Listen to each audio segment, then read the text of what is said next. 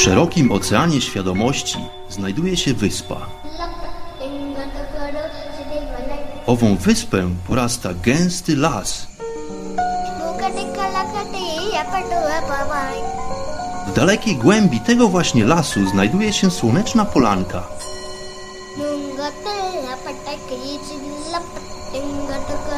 Przy tej oto polance w gorących promieniach słońca stoi sobie pewna magiczna chata.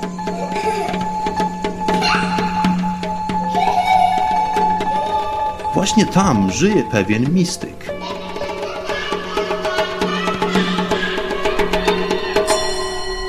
Mam na imię Bart i zapraszam wszystkich serdecznie do wysłuchania programu Chata Mistyka.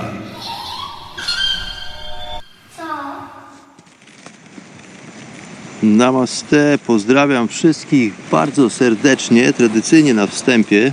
Mam nadzieję, że wszyscy zdrowymi są.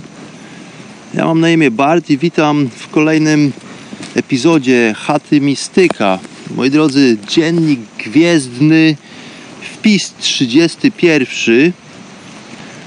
Chata Mistyka od paru epizodów na kółkach. Przemieszczam się po Indiach, zmierzam na południe na motorze marki Royal Enfield. Przepięknym czerwonym motorze wykończonym chromem również błyszczącym w słońcu, w gorących promieniach południowego słońca.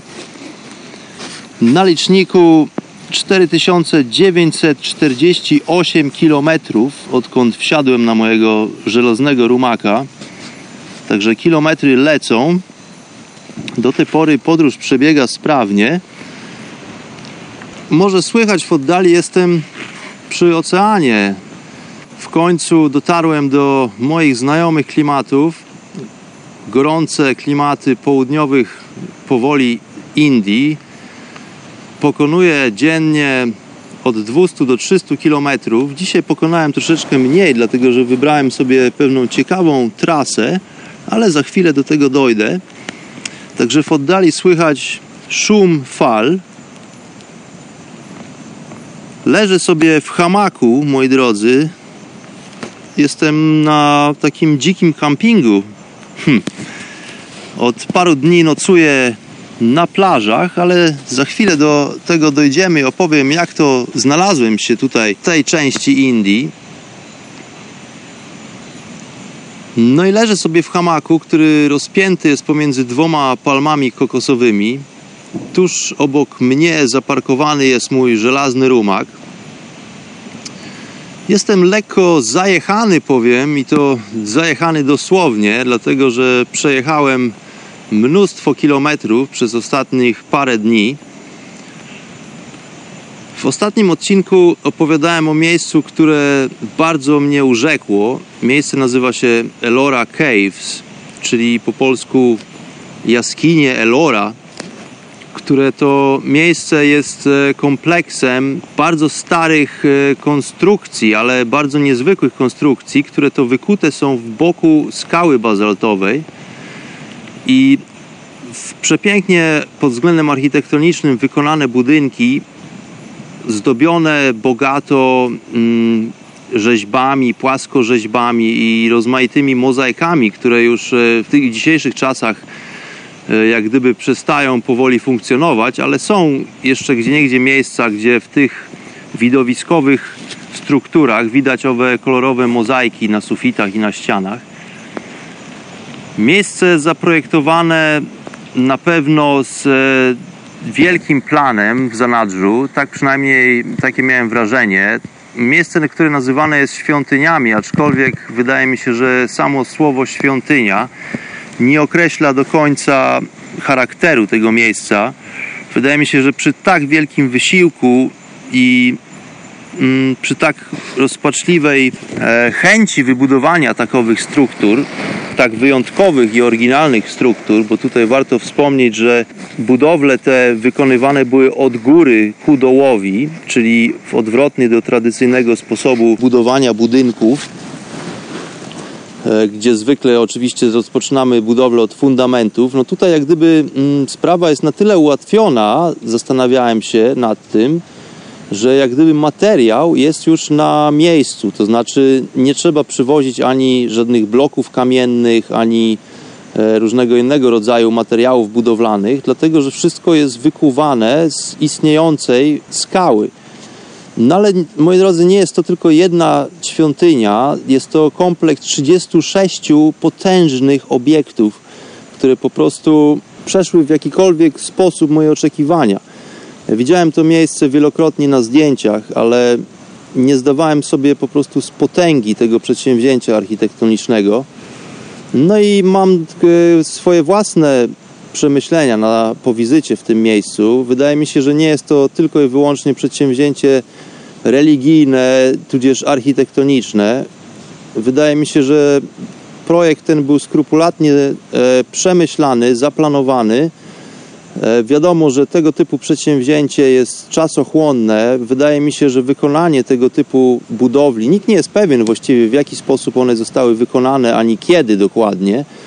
Wspomina się daty takie jak na przykład wiek VI i wiek VII, aczkolwiek są dowody na to, że niektóre z tych, z tych struktur mają mm, dużo więcej lat. Także nikt nie jest dokładnie pewny. One mogą mieć równie dobrze po 10 tysięcy lat. No i ciężko jest jak gdyby to stwierdzić.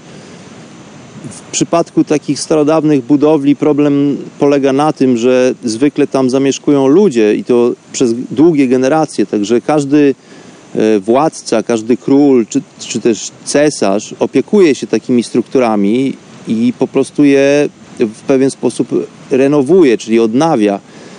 To zresztą był problem przy, w przypadku badania mm, wieku Sfinksa w Egipcie, dlatego że tak, zwany, tak zwani archeolodzy ze środowiska akademickiego przez długie, długie lata uważali, że Sfinks ma zaledwie jakieś tam 3-4 tysiące lat, dlatego że badali po prostu powierzchnię Sfinksa, który wielokrotnie był odnawiany, prawdopodobnie w pewien sposób modyfikowany również.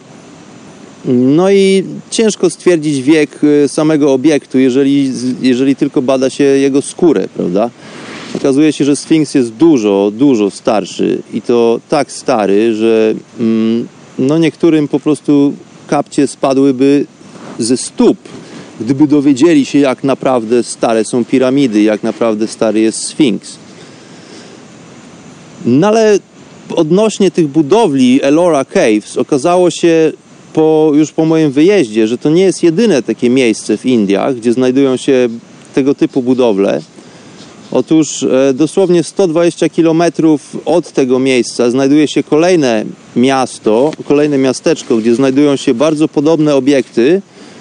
Może już nie tak spektakularne, aczkolwiek no, gdyby nie widzieć tego miejsca, które nazywa się Elora, no to tam to miejsce, o którym mówię nieopodal, również jest bardzo e, wyjątkowe. No ale okazuje się, że mało tego, jest kolejne miejsce, które ma podobne struktury i to też w dużej ilości e, w głębi Indii. Zaznaczyłem sobie to miejsce na mapie. Jeżeli uda się, to chciałbym pojawić się tam za parę miesięcy. No ale żeby tego było mało, to e, okazuje się, że podobny kompleks, nie na, już nie o tak wielkiej skali, ale o równym mm, kunszcie artystycznym i wkładzie i wysiłku znajduje się w mieście Mumbai, czy też Bombaj, gdzie udałem się zresztą e, właśnie po wizycie w Elora Caves. Udałem się do Mumbai dlatego, że no nie interesuje mnie za bardzo Mumbai czy też Bombaj. Tutaj może wyjaśnię od razu, jaka jest różnica w nazwie. Otóż Bombaj to jest e, nazwa, którą narzucili sobie Brytyjczycy, kiedy okupowali tutaj Indię. Natomiast po mm, opuszczeniu armii brytyjskiej Hindusi wrócili sobie do swojej tradycyjnej nazwy, która brzmi Mumbai. A nazwa nie jest do końca hinduska, dlatego że pochodzi generalnie od Portugalczyków, dlatego że jakby tego było mało, że Brytyjczycy tutaj nękali e, nację hinduską, no to pojawiali się tutaj również wcześniej Portugalczycy. Zresztą całe tutaj to zachodnie wybrzeże Indii, gdzie właśnie się przemieszczam w tej chwili, a udaje się w kierunku Goa, Goa to jest e, stan taki powiat, czy też e, województwo w Indiach. No to wliczając w to Goa właśnie Portugalczycy swego czasu za, zagarnęli tutaj tymi ziemiami. Zresztą do tej pory są na to dowody w postaci nazw nie, niektórych miejscowości, no i również wiary katolickiej, którą tutaj narzucili, przywieźli, przytargali ze sobą Portugalczycy.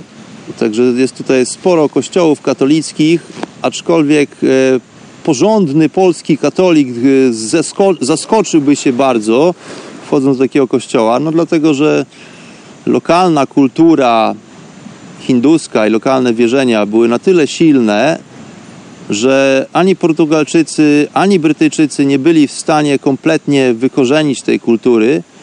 No i pozostały mm, różnego rodzaju pozostałości. To znaczy, taki kościół katolicki ma bardzo dużo w swoim stylu, w swoim wyglądzie takiej lokalnej kultury, lokalnego folkloru. No więc nie udało się wykrzewić tradycji. Zdobienia w kościele są niekatolickie, nie po naszemu, no aczkolwiek nadal jest to ta sama rzekomo religia. Pomimo tak wielkiej mnogości hinduistycznych wyznań i bożków, e, które tutaj są czczone w Indiach, no to jednak udało się również Watykanowi zakorzenić tutaj tą historię dosyć ciekawa rzecz. No ale powracając jeszcze na chwilę do jaskiń, czy też obiektu, który nazywa się Elora, zastanawia mnie jedna rzecz. Ludzie nazywają to świątyniami. Rzeczywiście cały kompleks podzielony jest na mm, trzy rodzaje świątyń. Są to świątynie hinduskie, gdzie znajdują się posągi y, hinduskich bogów i y, postacie z mitologii hinduskiej Znajdują się również e, świątynie buddyjskie z potężnymi statuami Buddy. To są takie rzeźby, które mają po 4 metry, z tego co pamiętam, 9 stóp, to chyba jest tak 3,5 metra mniej więcej. No i oprócz tego znajdują się tam świątynie religii jainistycznej. To jest religia, która chyba u nas w kraju jest dosyć mało znana, to jest bardzo stara religia wywodząca się z Indii. Prawdopodobnie dużo starsza niż sam hinduizm właściwie. Słowo Jain oznacza z sanskrytu zwycięzca, więc tak pokrótce o co w tym chodzi. Wyznawcy jainizmu uważają, że udało im się przezwyciężyć e, cykl życia i śmierci, tym samym e, przybywają tutaj na, jak gdyby pojawiają się na planecie Ziemia po to, aby dopełnić swojego przeznaczenia. No i nie przejmują się za bardzo faktem, że muszą odejść, e, czyli umrzeć, bo po prostu jest to dla nich metoda na przeistoczenie się, bo wierzą w to, że powrócą tutaj, aby odbyć kolejny cykl. Jaini wierzą, że e, życie etyczne i życie uduchowione jest w stanie uwolnić ich od piętna strachu przed śmiercią, tudzież piętna jakiegokolwiek strachu, tutaj warto dodać pewne koło przeznaczenia, które to Jaini nazywają dharma.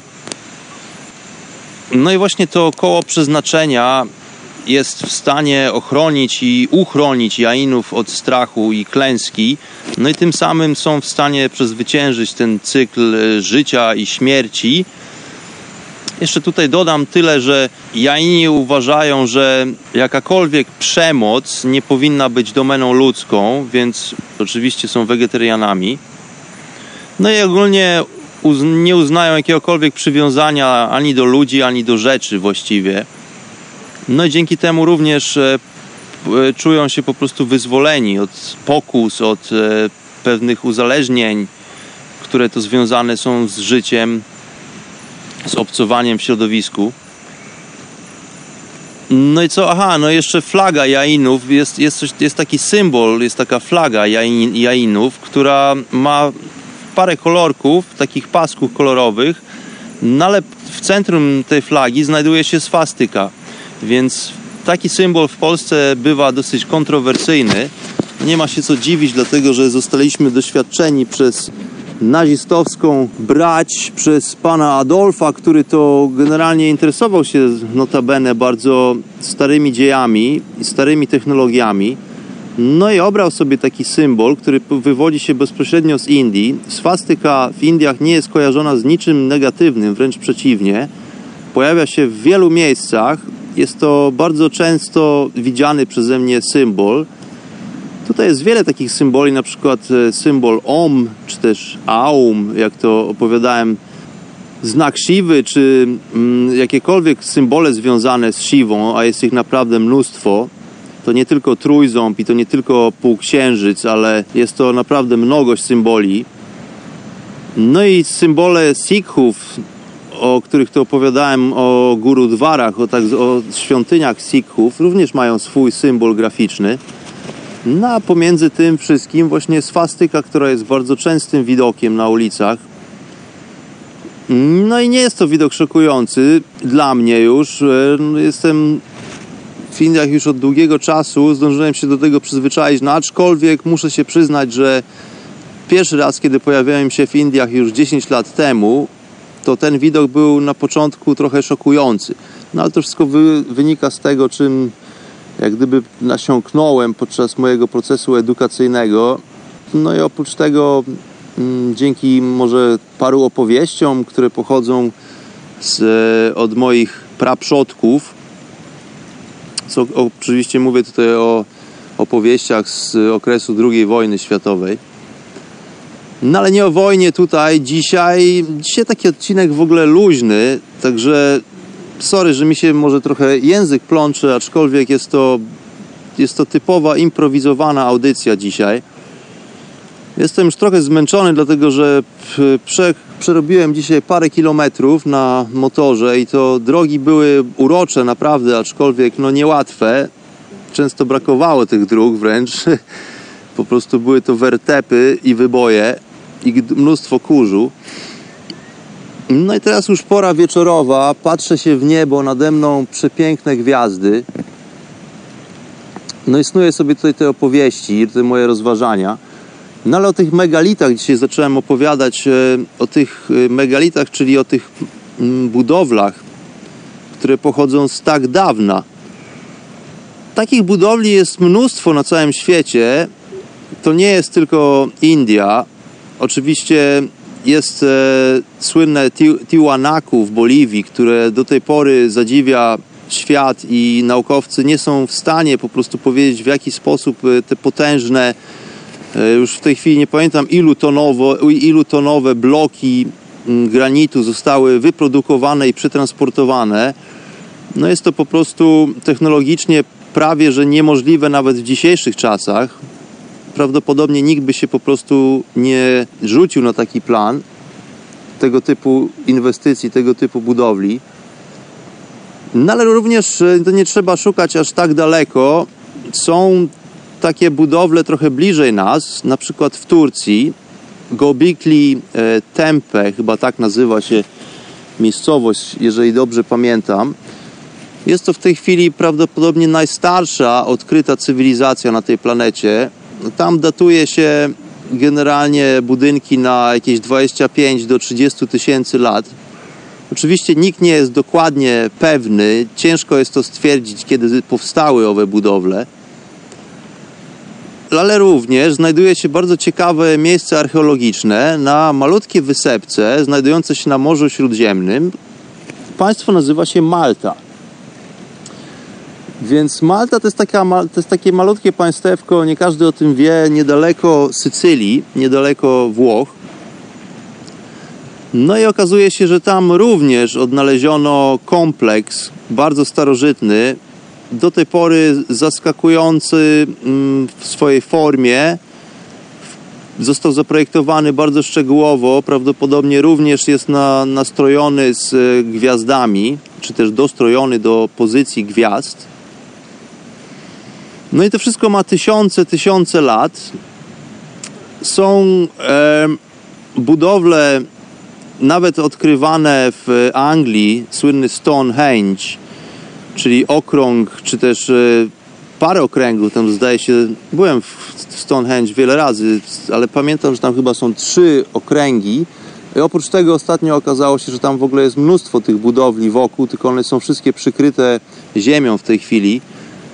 Także takich e, budowli jak sam Stonehenge w okolicy, tam w promieniu chyba 20 km jest naprawdę setki, tylko są po prostu zakopane w ziemi. No i zastanawia mnie tutaj jedna rzecz. A co w Polsce? Dlatego, że dziwna sprawa, my jesteśmy bardzo starym rodem, jesteśmy bardzo mm, starym materiałem genetycznym. Również badania naukowe wskazują na to, że Słowianie to nawet nie jest odpowiednia nazwa, to nawet nie Polanie, to nawet nie Lechici.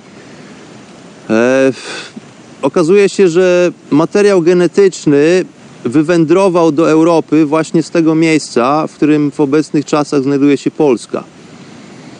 To znaczy jest duża szansa na to, że pierwsza cywilizacja w tej części świata kwitła i była tworzona właśnie na tych ziemiach, które obecnie zajmuje nasz kraj, które zajmujemy my jako Polacy.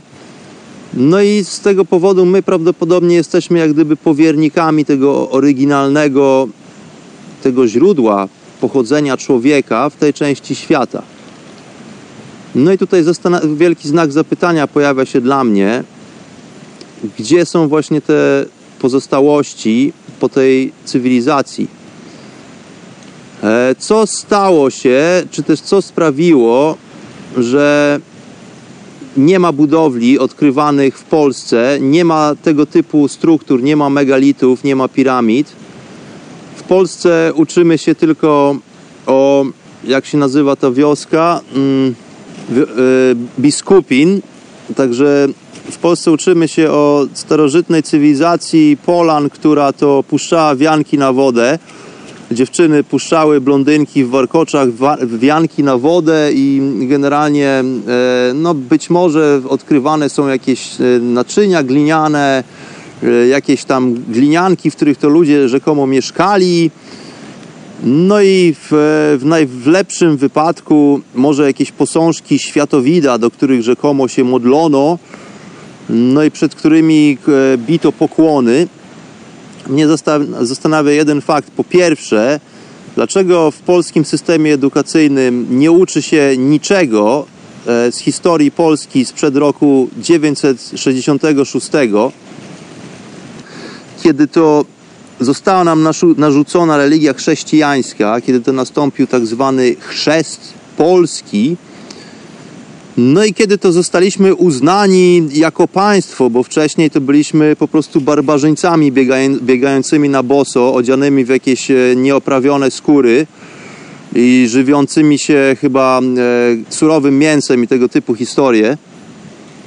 No i nikt tego nie kwestionuje, nikt nie zadaje pytań, nikt nie mm, prosi pana ministra do spraw edukacji, żeby może zmienić program, żeby może e, właściwych ludzi wysłać do szkół po to, aby po prostu młodzież, aby dzieci dowiedziały się prawdziwej historii, skąd pochodzimy. No a jest też, wszystko wskazuje na to, że e, nasza cywilizacja jest bardzo stara. Tutaj nie chodzi o jakąś dumę narodową, daleko mi do tego, naprawdę. Nie żyję już w Polsce zresztą od 15 lat.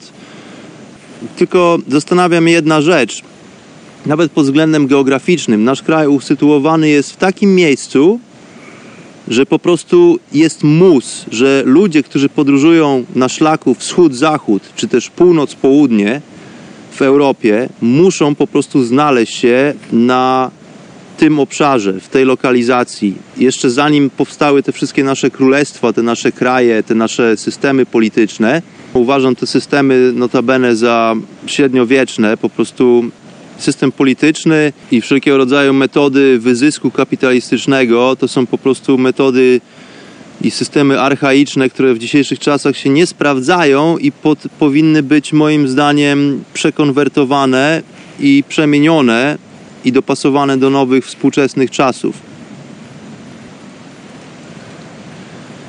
No więc mówi nam się, opowiada nam się bajki tego typu, że kiedy my jako Polanie zbiegaliśmy na boso i zbieraliśmy borówki w lesie i e, strzelaliśmy do dzików z łuku i do jeleni. Tutaj notabene to też nie jest prawdą, dlatego że okazuje się, że Polanie, i to, więc nie jest to aż tak dawna historia, byli głównie wegetarianami. Dlatego, że byli to po prostu poganie. To byli ludzie, którzy żyli w zgodzie z naturą, którzy byli zestrojeni do natury i oni rozumieli, że spożywanie mięsa na umór i na co dzień, tak jak, na, tak jak to pokazuje późniejsza właśnie historia naszej, naszej chrześcijańskiej Polski, gdzie sarmaci obżerali się mięsiwem i zapijali to wszystko winem, które ściekało im długim wąsem,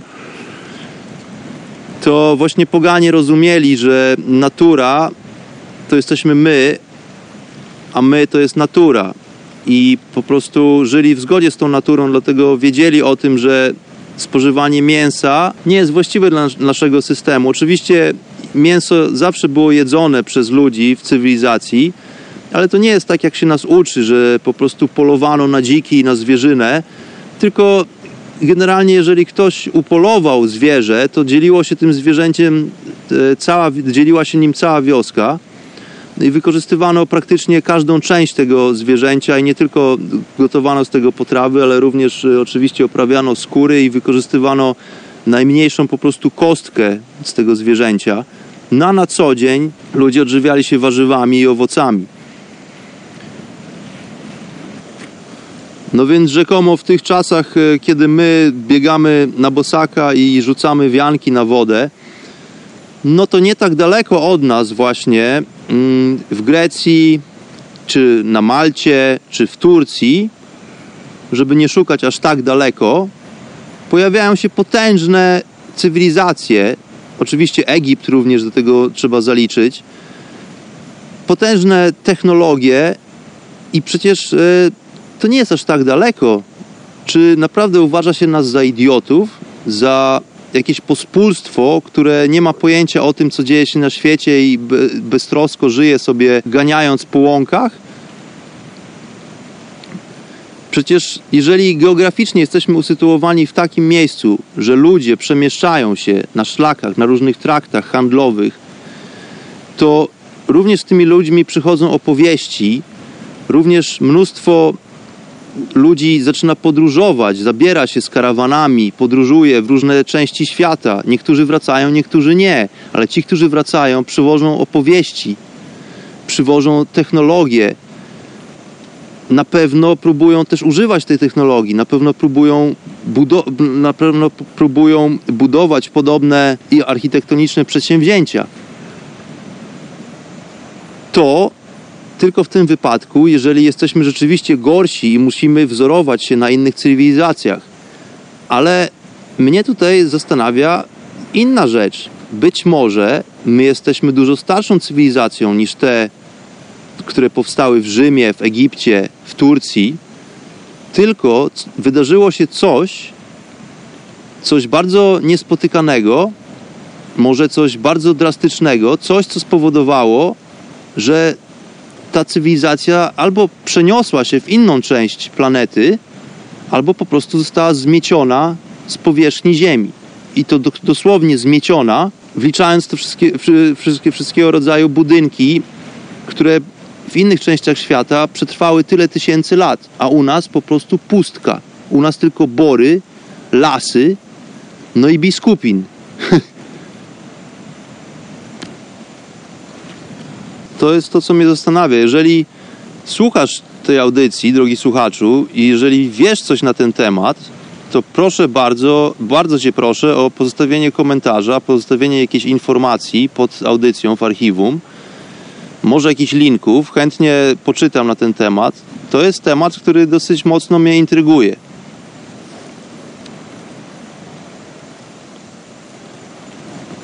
No i dzisiaj taka opowieść lekka, improwizowana. Yy, aha, opowiem krótko o samym Mumbaiu jeszcze. Mumbai nie, nie za bardzo mnie zachwycił. No jest to kolejna metropolia, potężny e, zgiełk, e, dosyć nowoczesne miasto, muszę się przyznać. Brytyjczycy postarali się o to, żeby miasto było w dosyć ładny i schludny sposób zaprojektowane. Zresztą z tego co się dowiedziałem, wydarli dosyć sporo e, z morza. Mumbai jest, jest miastem, które leży nad e, morzem, potężnym miastem, chyba 18 czy 19 w ogóle milionów mieszkańców. Brytyjczycy osuszyli mnóstwo morza po to, aby postawić w ogóle to miasto. Wygrabili chyba ze 20, ze 20 kilometrów taki obszar 20-kilometrowy bagien i moczar, które tutaj były wcześniej w Mumbaiu. Rzekomo nie dało się tam żyć ze względu na komary. Dopiero właśnie jak pojawiła się technologia osuszania gruntów i technologia budowlana, to udało się tam mm, wybudować potężny port. No bo głównie było to miejsce towarowe, z którego to wypływały okręty z łupami z Indii, powracały do jej wysokości królowej brytyjskiej. No ale miasto jak to miasto, no parę, parę ciekawych y, rzekomo budowli pozostawionych przez Brytyjczyków. Nie za bardzo mnie to interesowało. Mieszkam w Londynie, wiem dokładnie jak wygląda architektura wiktoriańska. Także zwiedzanie Mumbaiu pozostawiłem sobie może na inną okazję. Spędziłem tam trzy dni, dlatego że mam tam przyjaciela. Poznałem e, bardzo sympatycznego młodego człowieka, kiedy byłem w górach parę miesięcy temu w miejscowości Manali. Okazało się, że również jest jeźdźcem, e, również ma motocykl. Zresztą wspomaga mnie podczas mojej podróży telefonicznie bardzo często. Udziela mi porad różnych technicznych i wskazuje miejsca, e, w których to mogę się zatrzymać i no jest to bardzo sympatyczna sprawa, zresztą dlatego, że ci ludzie, którzy tutaj podróżują po innych motorami, jak gdyby nawiązują mnóstwo kontaktów i tym samym pomagają sobie często. No bo w, w podróży na motorze różnie bywa. Kraj jest również niemały, także różne rzeczy się mogą wydarzyć w najmniej y, oczekiwanych okolicznościach. No więc już parę razy dzwoniłem wykonywałem pomocniczy telefon do przyjaciela po to, aby właśnie mnie wspomógł poradą. No rzeczywiście pomógł mi chłopak parę razy. Także postanowiłem go odwiedzić w Mumbaiu, gdzie mieszka. Spędziłem e, u niego trzy dni. Poznałem kilku jego znajomych. Brać studencka, graficy i fotografowie. Jest u nich na kursie również dziewczyna z Polski. Ale oprócz wizyty towarzyskiej, moim celem również było zawiezienie motoru do mechanika. W Mumbai mechaników, którzy znają się na naprawie motoru marki Royal Enfield jest mnóstwo. Jest to legendarny, klasyczny motor. Także podjechaliśmy z moim przyjacielem do takiego warsztatu, gdzie spędziłem parę ładnych godzin dyskutując z, z nowo zapoznanymi ludźmi, pasjonatami dosłownie jazdy motorem i to różnych typów motorów. Opiłem się herbaty, no i podczas e, tej wizyty mojej w warsztacie mój motor został również przejrzany. Parę drobnych napraw. Zostały podokręcane wszystkie śruby, dlatego że okazało się, że po wertepach i bezdrożach Indii po, po jeździe tymi bezdrożami po prostu cały motor się rozklekotał lekko. Także dosłownie każda śrubka została dokręcona. No ale motor sprawuje się świetnie, stan techniczny jest doskonały. No i ruszyłem na południe. Moim celem jest y, Goa, tak jak wspomniałem. Jest to miejsce, w którym znajduje się mnóstwo takich e, plażowych kurortów. Byłem na Goa 10 lat temu. Miejsce bardzo barwne, miejsce tryskające kulturą, kolorami, przepięknymi zapachami i lokalną kuchnią. Życie na plaży, właśnie, no, już tęskniłem za plażą. Jestem już od paru dni, nocuję na różnych plażach podczas mojej podróży. Wybrałem sobie drogę niełatwą, powolną, ale przepiękną za to. Można dotrzeć na Goła rzekomo w przeciągu jednego dnia, długiego dnia jazdy. Jest e, dosyć dobra rzekomo mm, autostrada, ale ja wybrałem sobie drogę wzdłuż wybrzeża.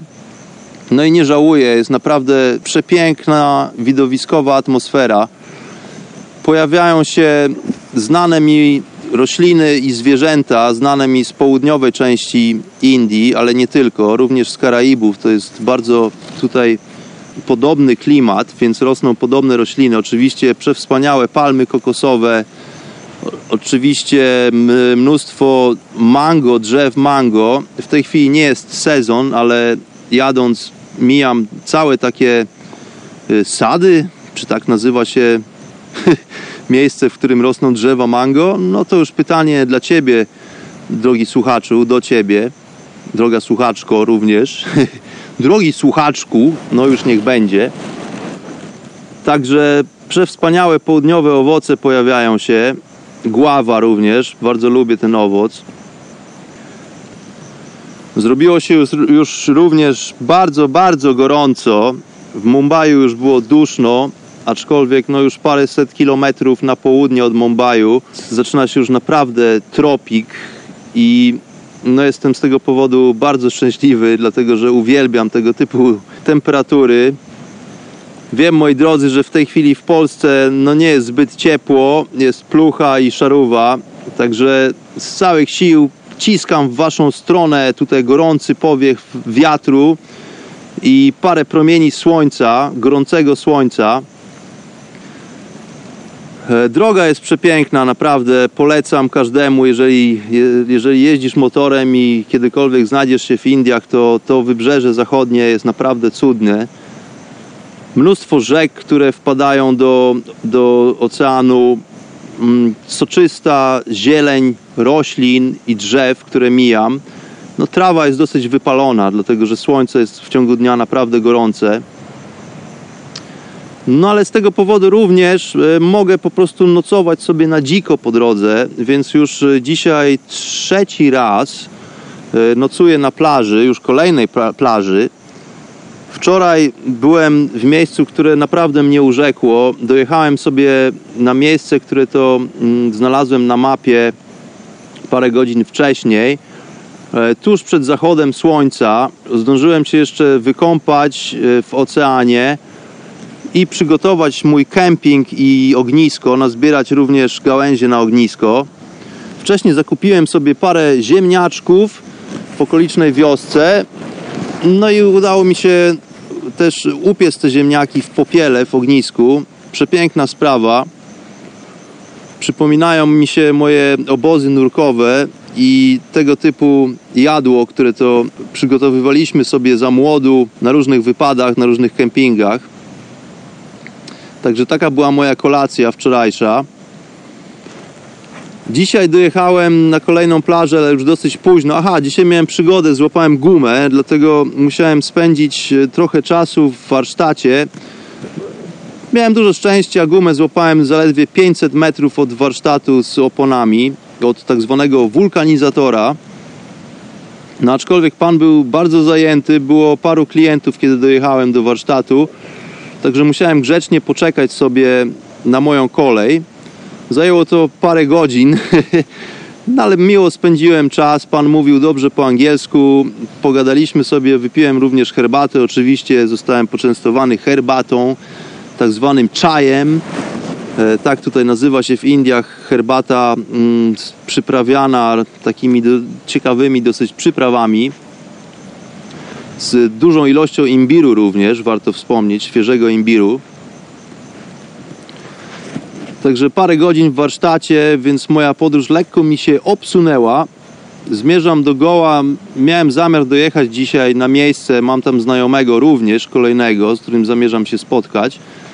No, aczkolwiek złapał mnie wieczór, przepiękny zachód słońca. No i dojechałem, dojechałem późno, na miejscówkę. Jestem niedaleko plaży. Rozbiłem sobie hamak, mm, obłożyłem motor paroma gałęziami z palmy, żeby go po prostu zamaskować lekko, dlatego że nigdy nie wiadomo. No i leżę sobie w hamaku rozpiętym pomiędzy dwoma palmami kokosowymi.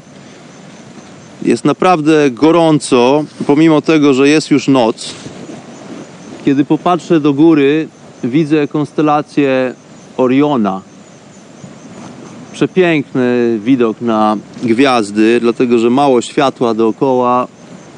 to już takie naprawdę mm, dzikie Indie, daleko od miasta. W ogóle konstelacja Oriona, taka ciekawostka, tam są, to, jest, to wygląda jak taka strzałka. Ja myślę, że każdy wie, która to jest konstelacja. To jest taka bardzo charakterystyczna konstelacja, pas Oriona. Te trzy mm, zliniowane jak gdyby gwiazdy, to znaczy one nie są dokładnie po linii prostej, ale mniej więcej, jeżeli przedłużymy tą linię do horyzontu, to ta linia wskazuje właśnie dokładnie miejsce, w którym to wstanie słońce nad ranem. Więc jest to generalnie wschód. Taka ciekawostka, aczkolwiek myślę, że dosyć fajna i istotna. Ja bardzo często tym się sugeruję, kiedy kładę się do snu. Staram się nie spać z głową na północ. Opowiadałem kiedyś o tym w chacie Mistyka. To jest generalnie kwestia pól ma magnetycznych i no kwestia tego, że w naszej krwi znajduje się mnóstwo żelaza również, które jak wiadomo reaguje na magnes. Chodzi o to, żeby nadmiar krwi nie przedostawał się do głowy, czyli do mózgu i tym samym nie zalewał po prostu mózgu. Także nigdy nie śpimy z głową na północ. Południe jest lepsze, lepszym rozwiązaniem, aczkolwiek y, kierunki wschód-zachód są najlepszym. Ja generalnie zwykle staram się mm, położyć z głową na zachód, kiedy jestem gdzieś e, na zewnątrz, dlatego że wtedy, kiedy wstaje słońce nad ranem, to po prostu słońce mm, promieniami nakierowuje się na mnie, na moją twarz. Także drogi słuchaczu, droga słuchaczko, bądź uważna, bądź uważny, sprawdź czujnie, czy nie śpisz przypadkiem z głową na północ. Jeżeli tam parę razy ci się to zdarzy, to myślę, że tragedii nie będzie. No, aczkolwiek ustawiczne spanie mm, z, na łóżku, które skierowane jest głową na północ, na przykład wieloma latami, no może spowodować pewnego rodzaju implikacje i komplikacje.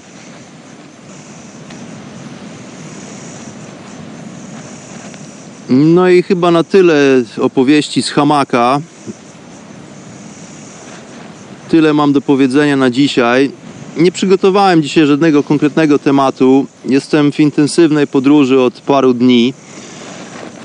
E, mam również problemy z zasilaniem mojego iPada. Tutaj muszę się przyznać, e, kupiłem w Mumbai taki zasilacz do motoru, no ale okazuje się, że faszystowska firma Apple nie zezwala na wszelkiego rodzaju akcesoria, które nie są mm, sygnowane nadgryzionym jabłuszkiem. Także moje urządzenie nie jest kompatybilne z iPadem na nieszczęście, więc e, no, bateria nie wystarczy na długo, a muszę używać iPada do nawigacji. Jest to jak gdyby priorytetem przez ostatnich parę dni. Więc e, też nie mam za bardzo możliwości po prostu przysiąść i nagrać e, jakiś konkretny temat. No ale dzisiaj takie właśnie lekkie rozważania, lekkie opowieści.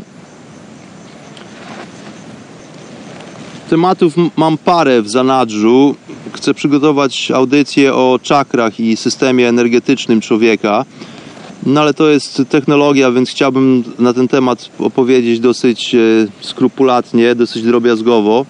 Także chcę sobie porobić troszeczkę notatek. Mam też zamiar zrobić audycję o strachu, czym strach jest, czym może nam się wydaje, że jest. No i parę innych jeszcze różnych tematów. Znajdzie się w chacie Mistyka. No póki co pozdrawiam wszystkich bardzo, bardzo gorąco, z gorącą bryzą z nad oceanu. Myślę, że to jest Wam w tej chwili potrzebne. No i kończę tą audycję, którą nagrywam też e, rzutem na taśmę. Przez ostatnich parę edycji zdarza się tak, że dostarczam te programy Iweliosowi, Markowi, pozdrawiam serdecznie, gospodarza radia Paranormalium, które to w tej chwili jest platformą dla chaty Mistyka. Także dostarczam te odcinki dosłownie na ostatnią chwilę Myślę, że często Markowi serce wybija rytmy czacza, kiedy nadchodzi godzina chaty mistyka, a program jeszcze nie jest dostarczony. No ale za parę dni dotrę na miejsce, myślę, że może nawet jutro, jeżeli się uda. I posiedzę tam chyba parę dni, także będę miał troszeczkę więcej czasu. No i przywołam jakieś kolejne opowieści z cyklu Chata Mistyka. Z cyklu opowieści mistyty, misty, mis, mistycznych.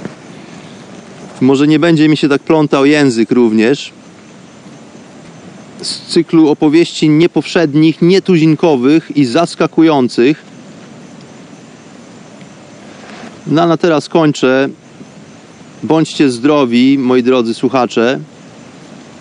Odwiedzajcie chatę Mistyka. Zostawiajcie komentarze, proszę, pod audycją. Pokój i miłość dla każdego. Namaste. Pranam.